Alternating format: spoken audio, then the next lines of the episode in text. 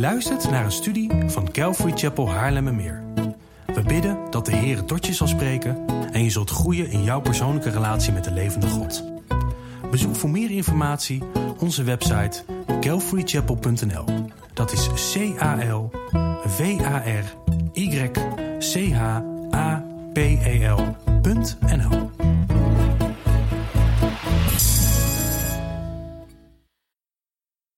Nou, we zijn drie zondagen geleden begonnen met de preekserie Maak discipelen. Uh, Maak discipelen is in feite de grote opdracht van Jezus aan alle beleidende wedergeboren christenen. En de opdracht is dit. Ik uh, laat het zien vanuit Matthäus hoofdstuk 28, vers 19. Ga dan heen, maakt al de volken tot mijn discipelen, hen dopend in de naam van de Vader en van de Zoon en van de Heilige Geest, hun lerend alles wat ik u geboden heb in acht te nemen. Nou, alhoewel wij hier in de grote opdracht uh, vier handelingen zien, of in de opdracht vier handelingen zien, het heen gaan, het maken van discipelen, uh, mensen dopen en mensen leren in acht te nemen, alles wat Jezus geboden heeft, is er in de grondtekst slechts één handeling uh, dat door Jezus op gebiedende wijze gegeven wordt. En dat is maak discipelen. Maak discipelen. En dit is dan ook de focus van de grote opdracht en ook de focus van deze preekserie. Nou, ik, weet, ik weet dat jullie misschien al, al zoiets hebben van, joh, wanneer, wanneer begint het nou? We hebben het al drie weken lang gehad over het maken van discipelen, maar je hebt nog niks gezegd over het maken van discipelen. Uh, dat gaat er zeker aankomen. Uh, ik heb er zes weken voor uitgetrokken. En uh, nou, na vandaag hebben we nog twee weken de tijd.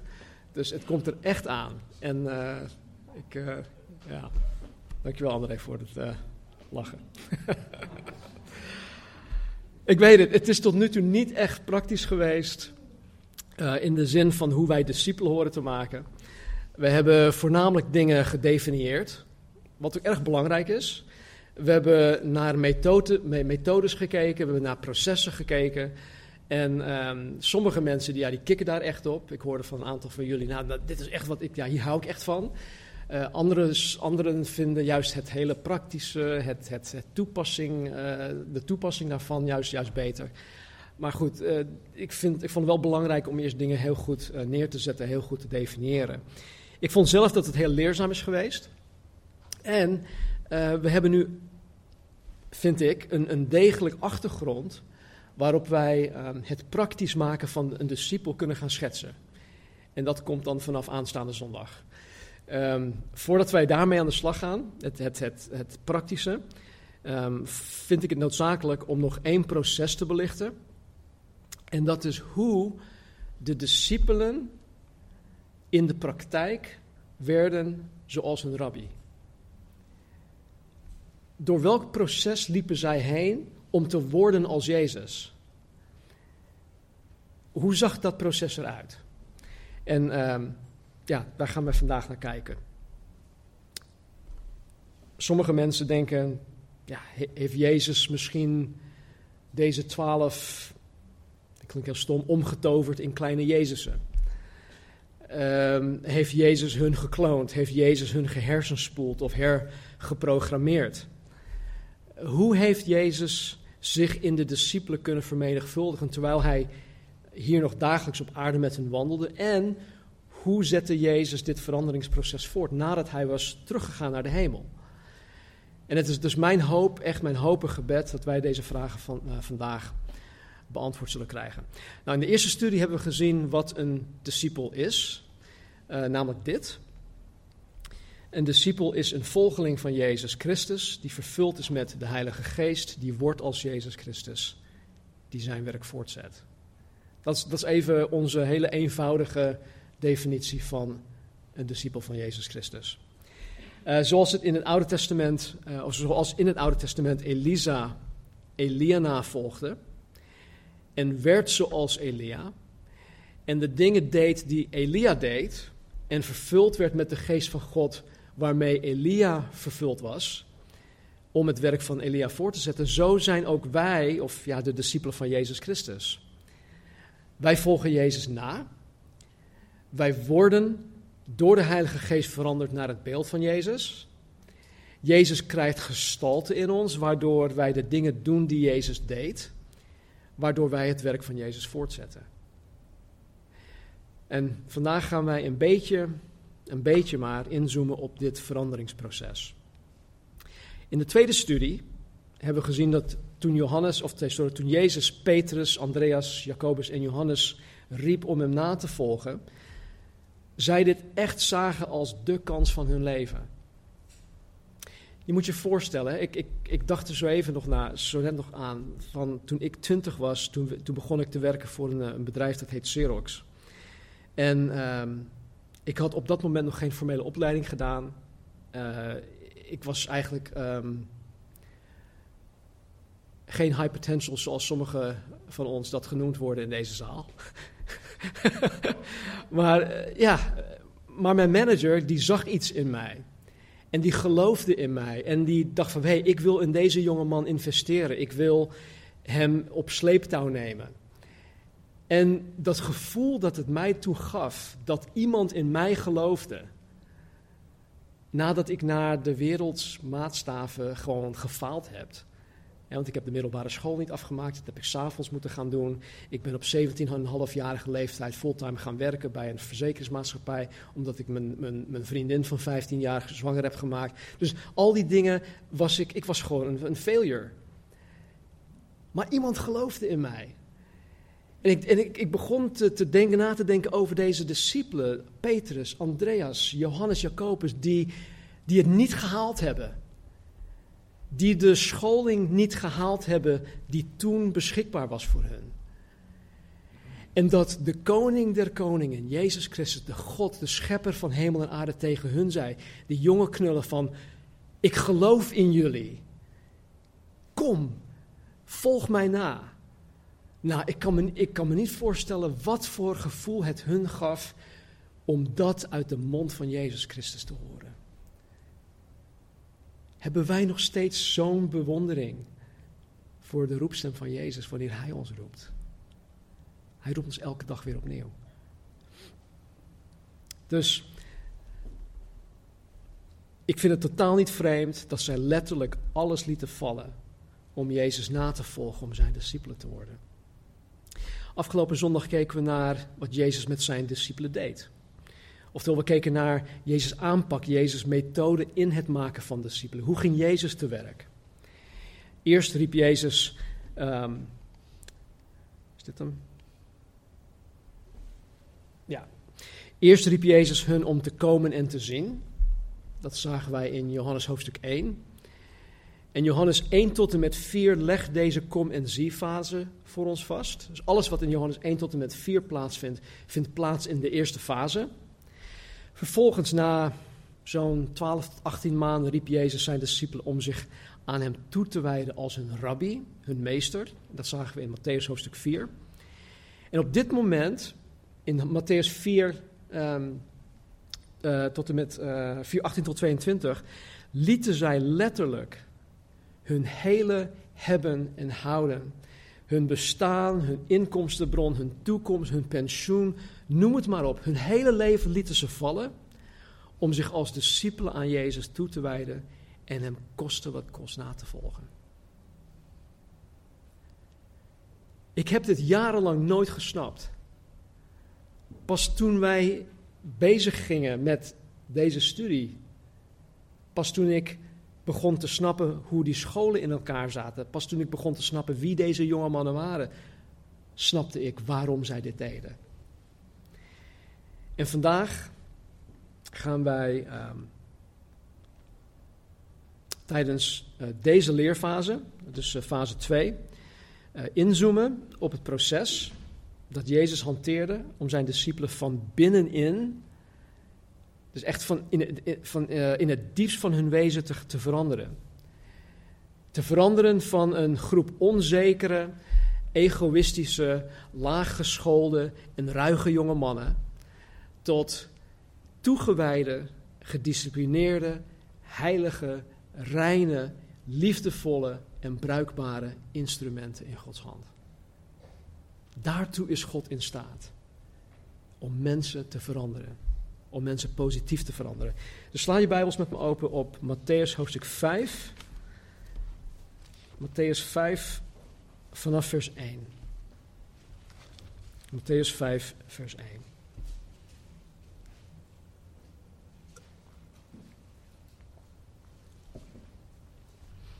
En dan lezen we tot en met vers 12.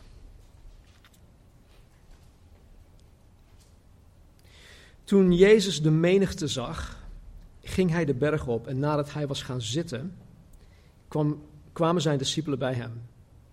En Jezus opende zijn mond en onderwees hen en hij zei: Zalig zijn de armen van geest, want van hen is het koninkrijk der hemelen.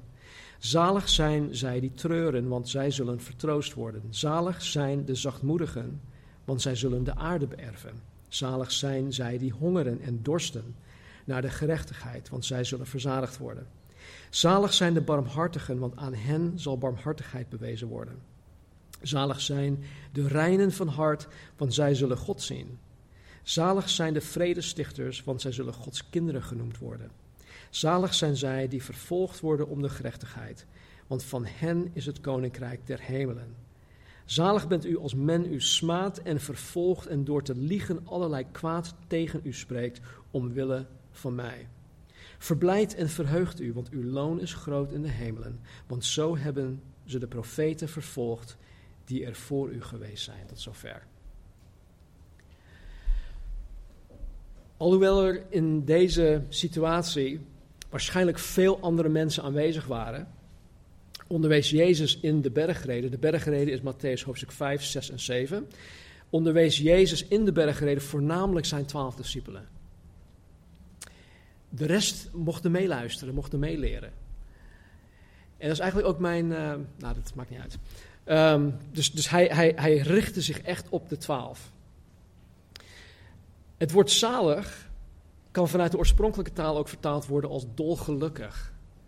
Degene die de studie in Matthäus jaren geleden hebben gevolgd, weten dat zalig dolgelukkig betekent.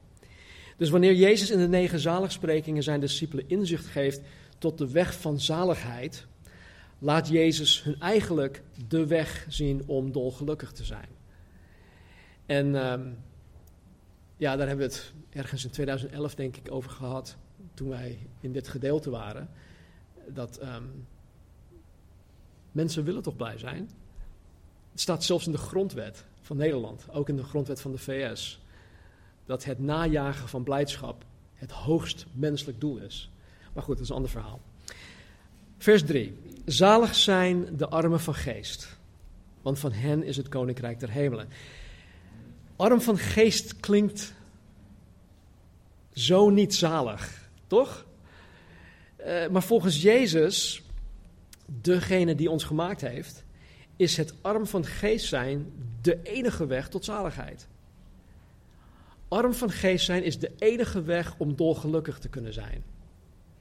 En Jezus begint specifiek met, specifiek met deze eerste zaligspreking, omdat hij ons hier leert, um, omdat wat hij ons hier leert de eerste stap is richting het dolgelukkig zijn.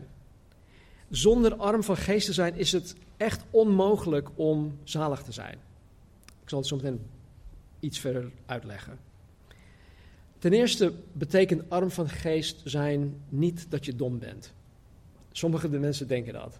Oh joh, ik heb jarenlang gedacht dat wanneer Jezus zei dat je arm van geest bent, dat je gewoon echt arm van geest bent. Nee, het betekent dat absoluut niet. Integendeel, je bent juist super slim als je arm van geest bent. Je bent echt slim als je arm van geest bent. Het Grieks woord dat hier gebruikt wordt voor arm heeft als oorsprong de betekenis van terugdeinzen of zichzelf vernederen. Je, je deinst van iets terug of je vernedert jezelf. En dit woord werd gebruikt om de allerarmste mensen te beschrijven. Dit waren destijds de bedelaars. De bedelaar in die tijd, die zat dan op bepaalde plekken. En met één hand stak hij zijn hand uit om te bedelen. Maar met die andere hand bedekte hij zijn gezicht uit schaamte. En zo gingen deze mensen te werk. Denk even aan de bedelaar die door Petrus genezen werd in Handelingen 3. Wat zei Petrus tegen hem? Kijk ons aan. Waarom zei hij dat? Omdat bedelaars, die, die, die, die, die schaamden zich, die wilden mensen niet recht in de ogen kijken. En Petrus zegt, kijk ons aan. Ik wil je ogen zien. Wat gebeurde er? Zilver en goud heb ik niet voor jou, maar wat ik heb, dat geef ik je in de naam van Jezus Christus. Sta op. En die man werd genezen en dan staat er dat hij gewoon over het hele plein ging stuiteren. Hij was zo blij. Deze bedelaar had totaal niets te bieden. En hij wist dat als geen ander. Daarom bedekte hij zijn gezicht uit schaamte. En wat Jezus hiermee zegt is dat de discipel die arm van geest is, ervan bewust is dat hij zijn rabbi totaal niets te bieden heeft. Een arm van geest is er volkomen van bewust dat hij geestelijk failliet is. Dat hij er, zelfs niets, uh, dat hij er zelf niets aan kan doen om, om God te kunnen behagen. Dat hij geen enkele bijdrage kan leveren. Dat hij zichzelf zoals een bedelaar alleen maar kan overgeven aan, aan, aan Gods genade, aan de gever. Een bedelaar kan niks anders. Een bedelaar kan geen eisen stellen aan degene die hem een gunst bewijst. Ik moet wel toegeven dat wanneer ik in de hoofdstad van uh, Nederland wandel, dat sommige mensen best wel brutaal kunnen zijn. En ze vragen je om geld. En dan geef je wat. En dan van, joh, is dat alles wat je, wat je kan geven? Gewoon echt brutaal. Maar goed, dat is weer een ander verhaal. Dat bedoelt de Bijbel hier niet mee. Zalig zijn zij die treuren, vers 4, want zij zullen vertroost worden. In de volksmond zou je kunnen zeggen, dolgelukkig zijn de verdrietigen. Weer zo'n tegenstelling. Nou, daar valt hier veel over te zeggen. Maar omwille van de tijd en ons doel wil ik alleen zeggen dat het treuren, waar Jezus het over heeft, te maken heeft met het uh, tot het besef komen dat men een bedelaar is. En dat die persoon er zelf niets aan kan doen.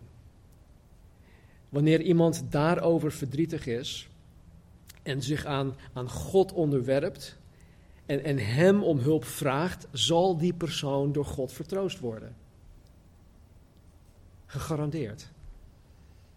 Zalig zijn de zachtmoedigen, vers 5, want zij zullen de aarde beërven. Nou, in het Grieks betekent het woord zachtmoedig gewoon ook zachtmoedig. Dus daar is niets uh, spannend aan. Maar het betekent ook vriendelijk van aard, het betekent mild, het betekent nederig, bescheiden, uh, zich gemakkelijk schikkend.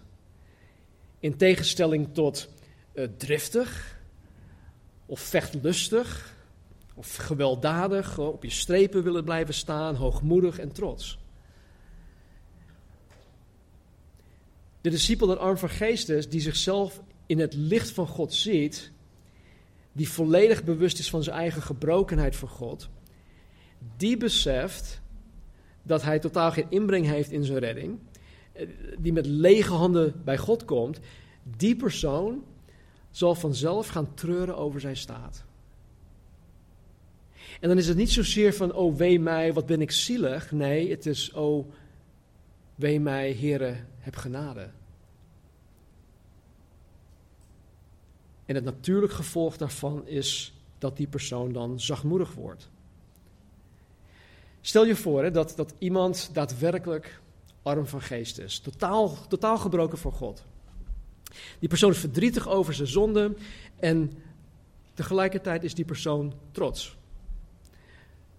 Halstarrig, hoogmoedig, driftig, niet gemakkelijk schikkend. Dat kan toch niet? Dat bestaat in Gods koninkrijk niet. Dat, dat, dat, is gewoon niet mogelijk. En mocht iemand trots, hoogmoedig, driftig en niet gemakkelijk schikkend zijn, dan zegt Jezus hier dat die persoon dus niet zachtmoedig is. En als die persoon niet zachtmoedig is, dan is hij niet verdrietig over zijn zonde en ook niet arm van geest, dus ook niet zalig of dolgelukkig. Dus eh, het, het, ja, het heeft allemaal met elkaar te maken. Vers 6. Zalig zijn zij die hongeren en dorsten naar de gerechtigheid, want zij zullen verzadigd worden. Jezus gebruikte altijd alledaagse uh, voorbeelden om zijn punt duidelijk te maken. En in dit geval gebruikt Jezus het concept van honger en dorst. Omdat ieder mens weet wat het is om honger en dorst te hebben. Ademen. Ademen is de eerste lichamelijke levensdrang. Daarna komt dorst, daarna komt honger. En wanneer ik ophoud met ademen, zal mijn lichaam ophouden met leven. En hetzelfde geldt uiteindelijk wanneer ik ophoud met drinken en eten, zal mijn lichaam ook ophouden met leven. Dus Jezus laat ons hier zien dat Gods gerechtigheid iets van levensbelang is voor de discipel. Dorsten en hongeren naar de gerechtigheid van God, dat is iets van levensbelang. Kijk, gerechtigheid is in eerste instantie een eigenschap van God. Alleen God is rechtvaardig. Voor 100%. En alles dat hij doet is recht, alles dat God doet is juist, het is goed, het is zuiver, het is rein. God en God alleen is voor 100% rechtvaardig. En wanneer de discipelen hongeren en dorsten naar deze gerechtigheid of deze rechtvaardigheid, dan hongeren en dorsten zij zich als het ware naar God. Oftewel, naar het proeven van die God. En het verzadigd worden door die God. En dit betekent in de praktijk dat de discipel van Jezus zijn of haar honger stilt en zijn of haar dorst lest door het brood des levens en het levende water tot zich te nemen. Jezus is het brood des levens. Jezus is het levende water. Het woord is ook het, het, het, het brood en het water. En de discipel wil dit tot zich nemen. En hij doet dit, of zij doet dit, door de Bijbel zich eigen te maken. Door het woord van Christus rijkelijk in zich te laten wonen. Zo ziet het hongeren en dorsten naar de gerechtigheid er in de praktijk uit. Het betekent tegelijk dat de discipel van Jezus zijn of haar honger en dorst naar gerechtigheid niet stilt en lest, door op allerlei tussendoortjes, Peter, te snacken en te drinken.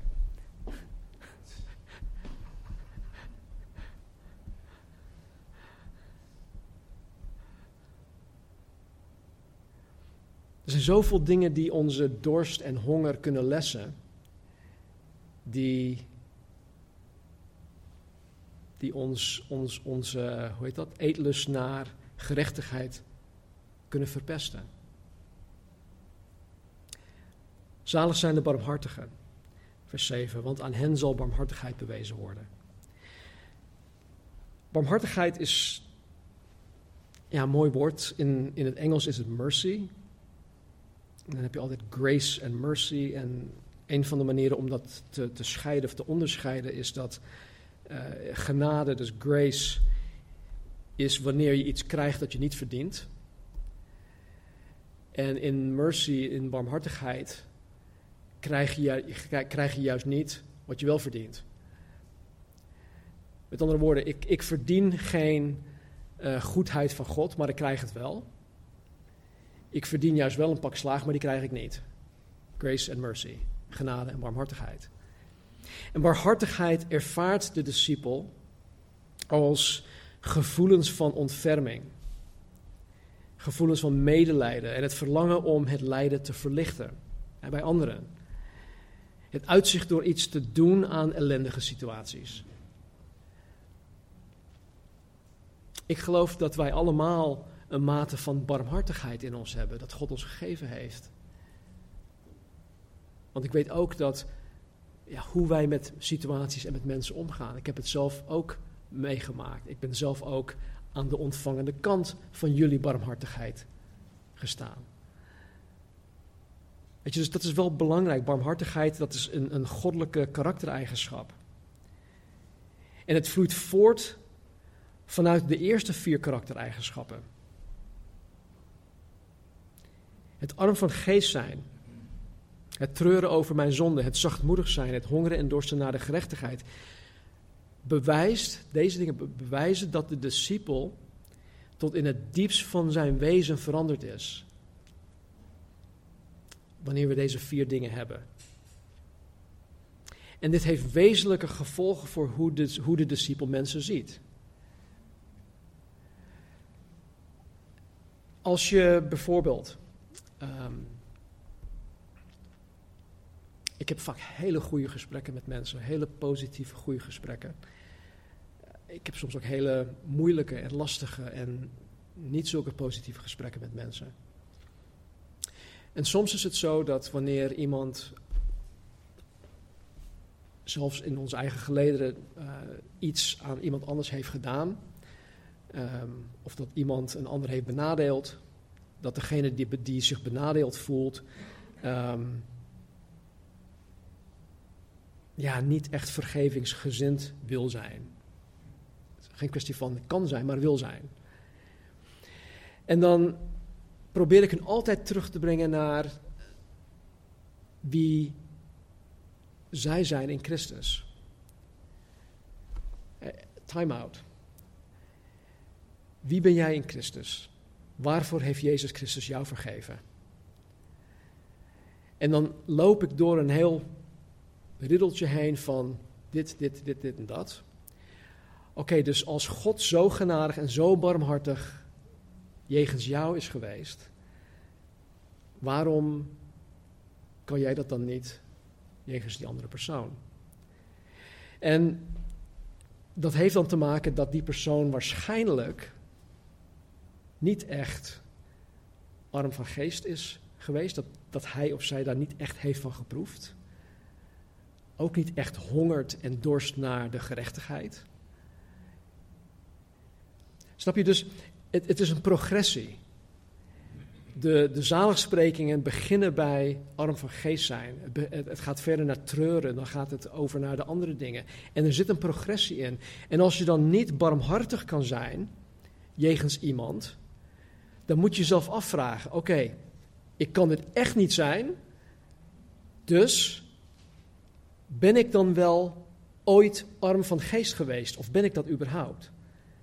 Treur ik over mezelf? Of heb ik ooit getreurd over mijn eigen staat? Snap je? En dat is een hele goede, goede manier om jezelf onder de loep te nemen. Je moet het zien als een ladder. De negen zaligsprekingen, de eerste rang op de ladder is dan arm van geest zijn. En als je hier ergens bovenaan vastloopt, dan moet je toch, toch, toch gaan teruggaan van, joh, waar sta ik eigenlijk? Wat mis ik nu? Dus wanneer je de, de stappen echt doorlopen hebt, dan zal je vanzelf barmhartig zijn. Want je ziet mensen gewoon anders. Je ziet mensen vanuit een christelijk oogpunt. Je ziet mensen door de ogen van Jezus Christus. Je ziet je, ziet je medemens als gedupeerde, als slachtoffers, als slaven van, hè, misschien niet hier, maar je ziet mensen als slaven van de Satan, slaven van de zonde, slaven van de wereld, mensen die verblind zijn. De discipel ziet ze niet als slechte mensen waar men een hekel aan heeft, waar, uh, ja, mensen waar je liever geen contact mee wil hebben, maar als mensen waarover God zich wil ontfermen. Dus de discipel heeft medelijden met mensen. Hij kijkt niet zozeer naar hun levensomstandigheden of waar ze zich mee bezighouden uh, of over da daarover oordelen, maar hij kijkt naar hun gigantische behoefte aan barmhartigheid. Want er staat hier Zalig zijn de barmhartigen, want zij zullen zelf dan ook barmhartigheid ontvangen. En weet je, ik weet niet hoe, hoe jullie daarin staan, maar ik heb dat echt dagelijks nodig.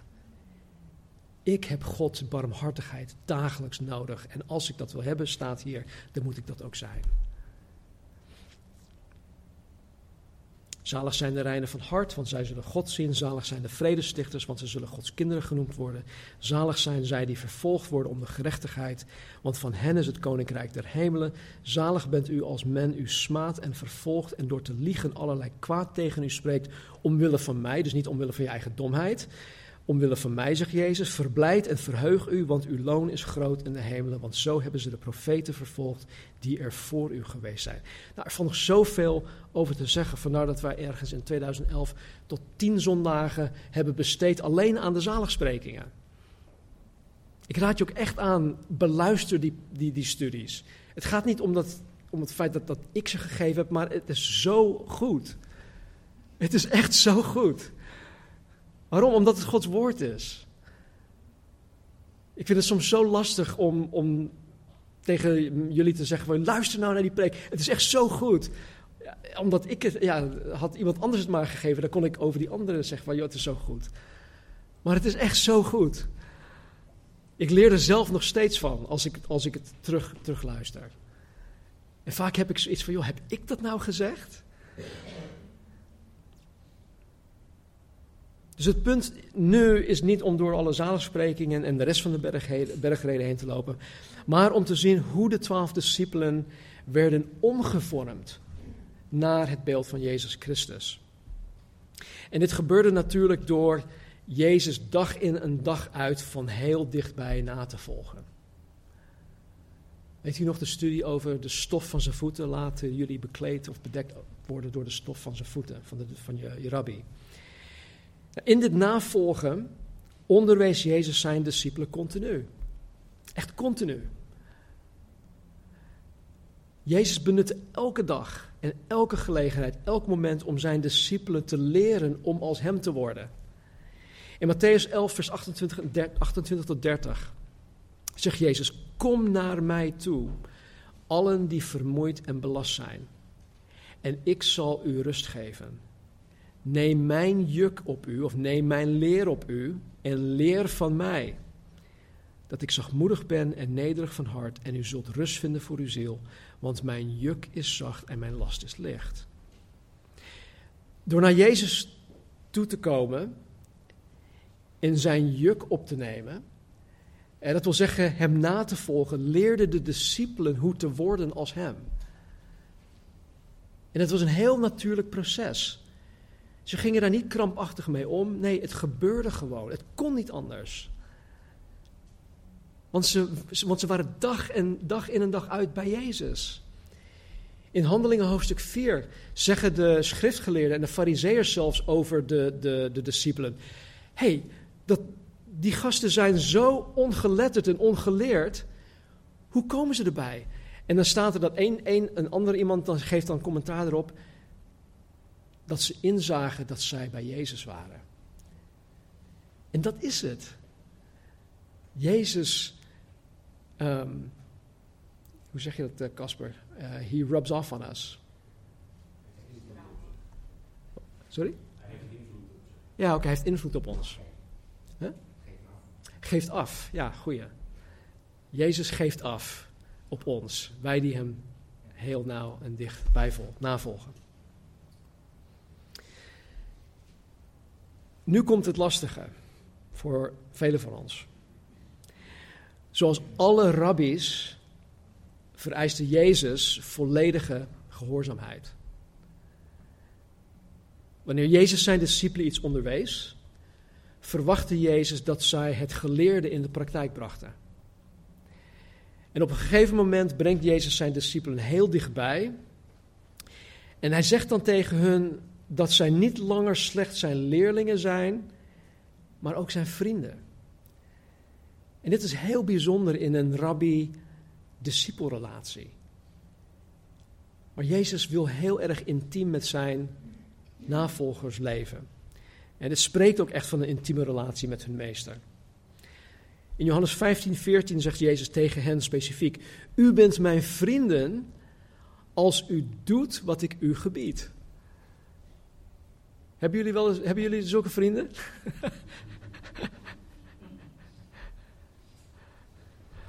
mijn kleinzoontje, mijn kleinzoon die heeft er echt de hand van nu, op dit moment. Alles moet gaan zoals hij het wil. Anders wil hij met, met de ja, anders wil hij niet met de anderen spelen. En anderen willen ook niet met hem spelen. Maar goed, Jezus zegt dit dus, en dat is heel bizar. U bent mijn vrienden als u doet wat ik u gebied. Alleen Jezus kan dit zeggen en, en dat het goed is. In Johannes 13, 17 zegt Jezus, als u deze dingen weet, dus alle dingen die hij aan hun heeft geleerd, als u deze dingen weet, zalig bent u, dolgelukkig bent u als u ze doet. Johannes 14, 21. Wie mijn geboden heeft en die in acht neemt, dus die ze gehoorzaamt, die is het die mij lief heeft. Dus het doen, het in acht nemen, dat is het, het allerbelangrijkste hier. In 1 Johannes 5, vers 3 zegt Johannes: Want dit is de liefde tot God. Ja, sommige mensen zeggen, joh, ik, ik, heb, ja, ik hou van God, ik hou van God. Maar als je echt van God houdt, dan doe je ook wat hij van je vraagt. En hier staat het heel duidelijk. Dit is de liefde tot God, dat wij zijn geboden in acht nemen. Met andere woorden, dat wij zijn geboden gehoorzamen. En, hier komt het, zijn geboden zijn geen zware last. Het is geen last. Het is alleen een last als je het niet wil doen. Maar als je het wel wil doen, is het helemaal geen zware last. En dat is voor mij denk ik ook het verschil tussen relatie met Jezus en religie. In religie moet je zoveel, maar in relatie wil ik zoveel. Ik wil mijn God, mijn koning behagen. Ik wil hem gehoorzamen. Want ik weet dat dat het allerbeste is. Ik wil dolgelukkig zijn. Jullie niet dan? Tuurlijk willen jullie dolgelukkig zijn. En om tot die, die zaligheid te komen, moeten wij doen wat Hij van ons vraagt. Het navolgen van Jezus betekende per definitie dat zijn discipelen Hem in alles gehoorzaamden. Eh, het was niet zo dat, dat zij uh, allerlei kennis opdeden en er vervolgens niets mee deden.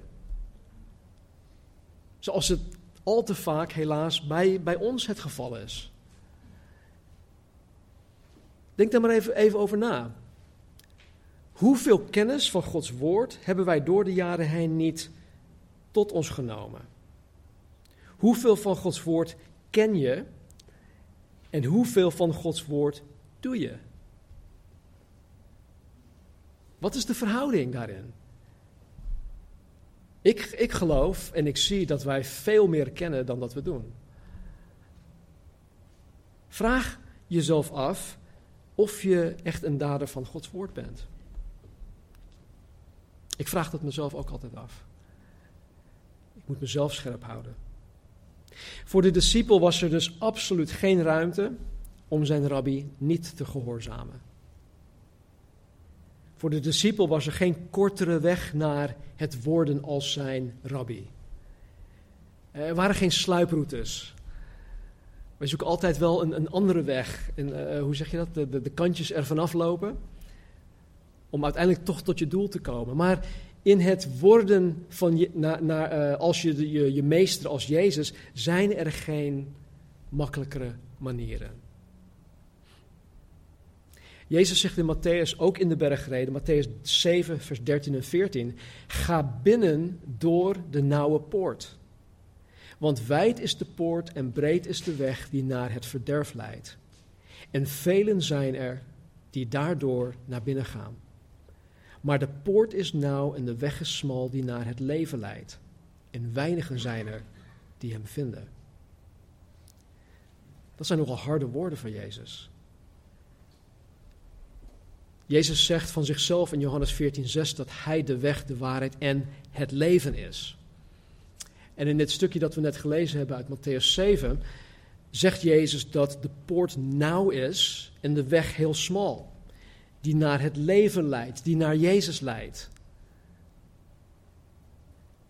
En hiermee leerde Jezus zijn discipelen dat als zij hem echt wilden navolgen, dat zij hem door de nauwe poort en de smalle weg van gehoorzaamheid moesten navolgen.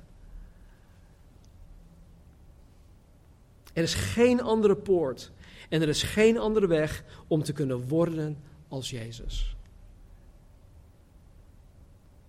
Nou, dit is in het kort hoe de discipelen veranderd werden naar het beeld van Jezus, terwijl zij Jezus in levende lijven navolgden hier op aarde. Nu deel 2. Dat wordt iets korter. Maar hoe zat dat dan na de hemelvaart?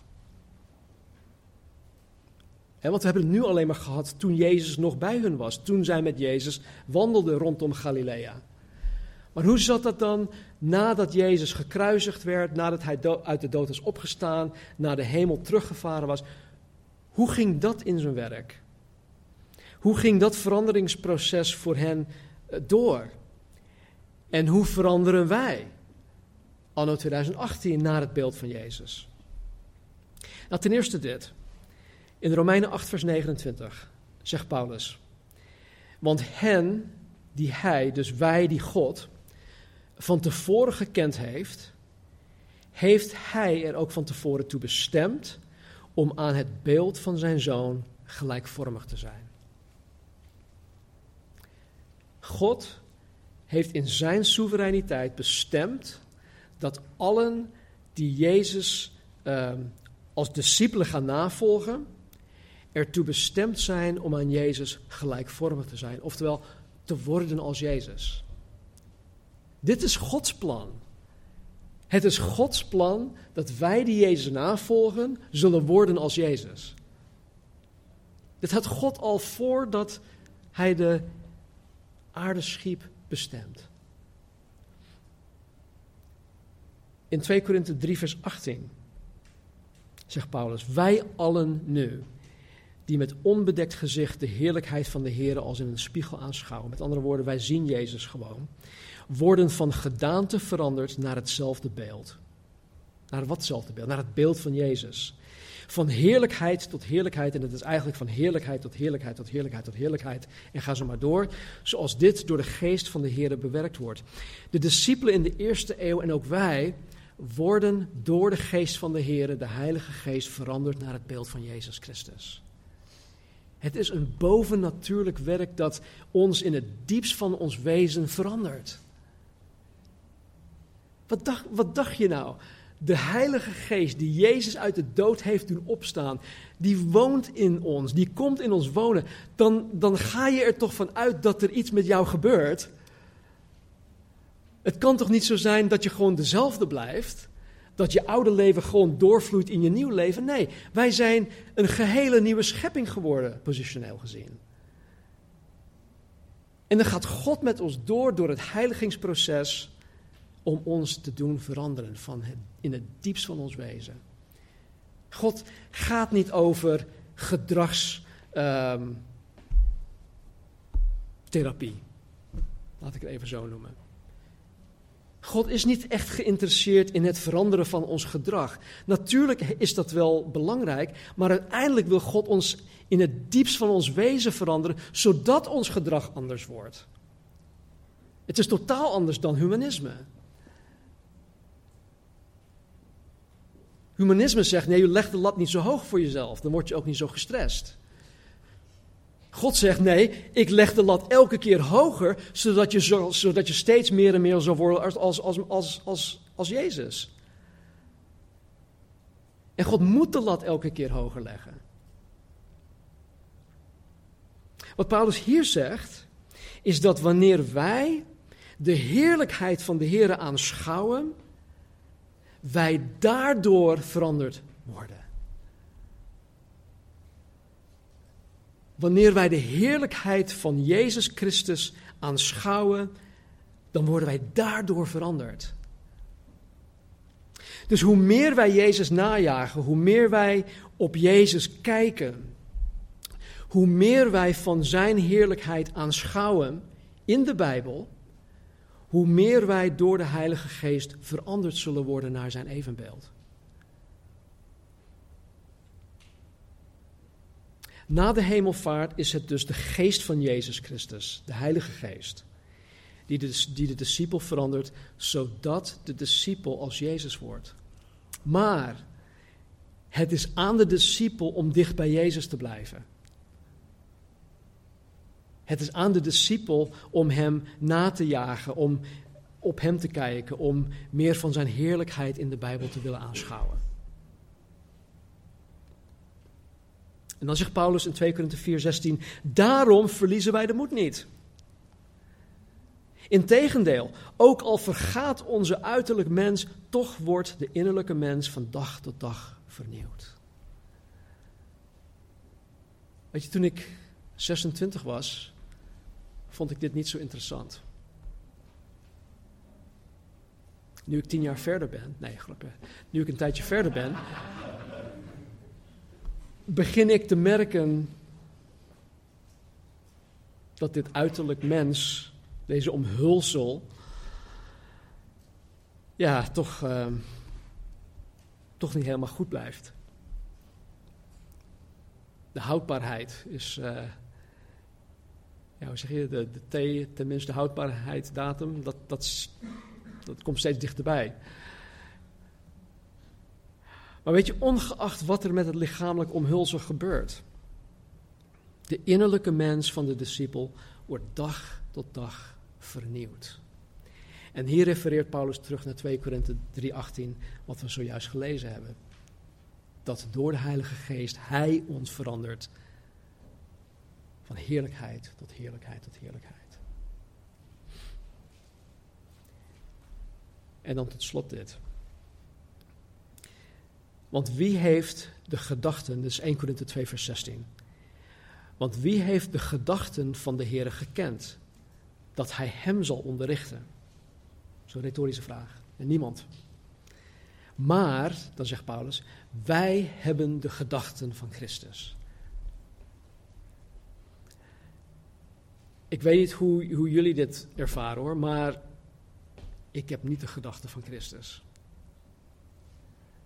In de praktijk heb ik heel veel gedachten, maar ik, ik durf te wedden dat het misschien 99% van de tijd niet echt de gedachten van Christus zijn. Dus dit moet iets anders betekenen. Paulus zegt, maar wij hebben de gedachten van Christus. Ik geloof dit. De discipel die Jezus na de hemelvaart navolgt. Wij hebben het voordeel niet dat Jezus in levende lijven aanwezig is. Maar Paulus zegt in dit vers dat wij de gedachten, oftewel de gezindheid van Christus hebben. En hiermee zegt Paulus dat ondanks dat Jezus niet langer in levende lijven op aarde aanwezig is, zijn leer, zijn juk, zijn gedachten, zijn gezindheid nog wel voor een ieder beschikbaar zijn in het woord van God, de Bijbel. Wij hebben zijn gedachten hier in het woord van God. Wat hij denkt, wat hij vindt, wat hij wil dat wij doen, wie hij is, dat laat hij ons allemaal zien. Het is allemaal hier. En het is voor ons allemaal beschikbaar. Dus nee, de, de discipel van anno 2018 volgt Jezus niet na zoals de discipelen in, dat, dat in Jezus tijd deden. Ze hadden echt een bijzonder voorrecht. Maar tegelijkertijd kon Jezus alleen maar op één plek tegelijk zijn. Nu doet Jezus zijn werk overal op aarde tegelijkertijd. Door de Heilige Geest, door ons. En maar dus, dus nee, wij, wij, wij volgen Jezus niet in die zin na zoals de discipelen dat deden. Maar het wil niet zeggen dat de discipel van anno 2018 Jezus niet met dezelfde toewijding en intensiteit en gehoorzaamheid kan navolgen en worden als Jezus. Wij kunnen vandaag de dag met dezelfde toewijding en intensiteit en gehoorzaamheid Jezus navolgen.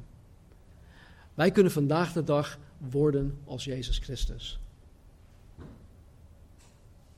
Paulus zegt in de Galatenbrief, um, ik heb het niet opgeschreven, Gerry, maar ergens in Galaten hoofdstuk 4, denk ik, zegt hij dat hij opnieuw voor de christenen in Galaten door um, uh, barensnood gaat, zodat ze uiteindelijk, of zodat Christus uiteindelijk echt gestalte in hun gaat krijgen. En wat betekent dat, dat Christus gestalte in iemand krijgt? Dat betekent gewoon dat die persoon wordt als Jezus Christus. Christus krijgt gestalte. Dus het is mogelijk. Het woord discipel komt in de evangeliën en in handelingen meer dan 250 keer voor. En voor het laatst in handelingen hoofdstuk 21. En omdat het na handelingen in de Bijbel niet meer voorkomt, dus in de brieven niet meer, denken sommigen dat het maken van discipelen niet relevant is voor ons. Hier zeg ik volgende week meer over. Laten we bidden. Hemelse Vader, u bent zo geweldig goed. En ik dank u dat u ons uw woord hebt gegeven. Dat wij de gedachten van Jezus Christus hebben op de bladzijde van onze Bijbels. Dank u wel dat u ons niet als wezen achter hebt gelaten. Maar dat u ons de Heilige Geest, de Geest der waarheid hebt gegeven. Dat u ons de Bijbel hebt gegeven. opdat wij anno 2018 nog steeds kunnen worden als Jezus Christus. Dus help ons daarbij. Zegen ons, heren. Dank u wel dat u ons um, ja, in deze vier sessies hebt geholpen om dingen gewoon duidelijk te krijgen. En vader, waar dingen nog niet helemaal zuiver of duidelijk zijn, um, maak het duidelijk. Doe uw wil in ons. Gaat uw gang met ons. Zoals u de bediening van um, Jeremia had beschreven. Dat u aan hem hebt gegeven om dingen af te breken. Vervolgens om dingen op te bouwen. Heer, doe dat ook bij ons. Breek de dingen af in ons leven die niet vruchtbaar zijn. Die geen eeuwigheidswaarde hebben. Snoei ons, Heer. Opdat we meer vrucht zullen dragen. Tot eer en glorie van uw naam. Dat vragen we in Jezus' naam. Amen.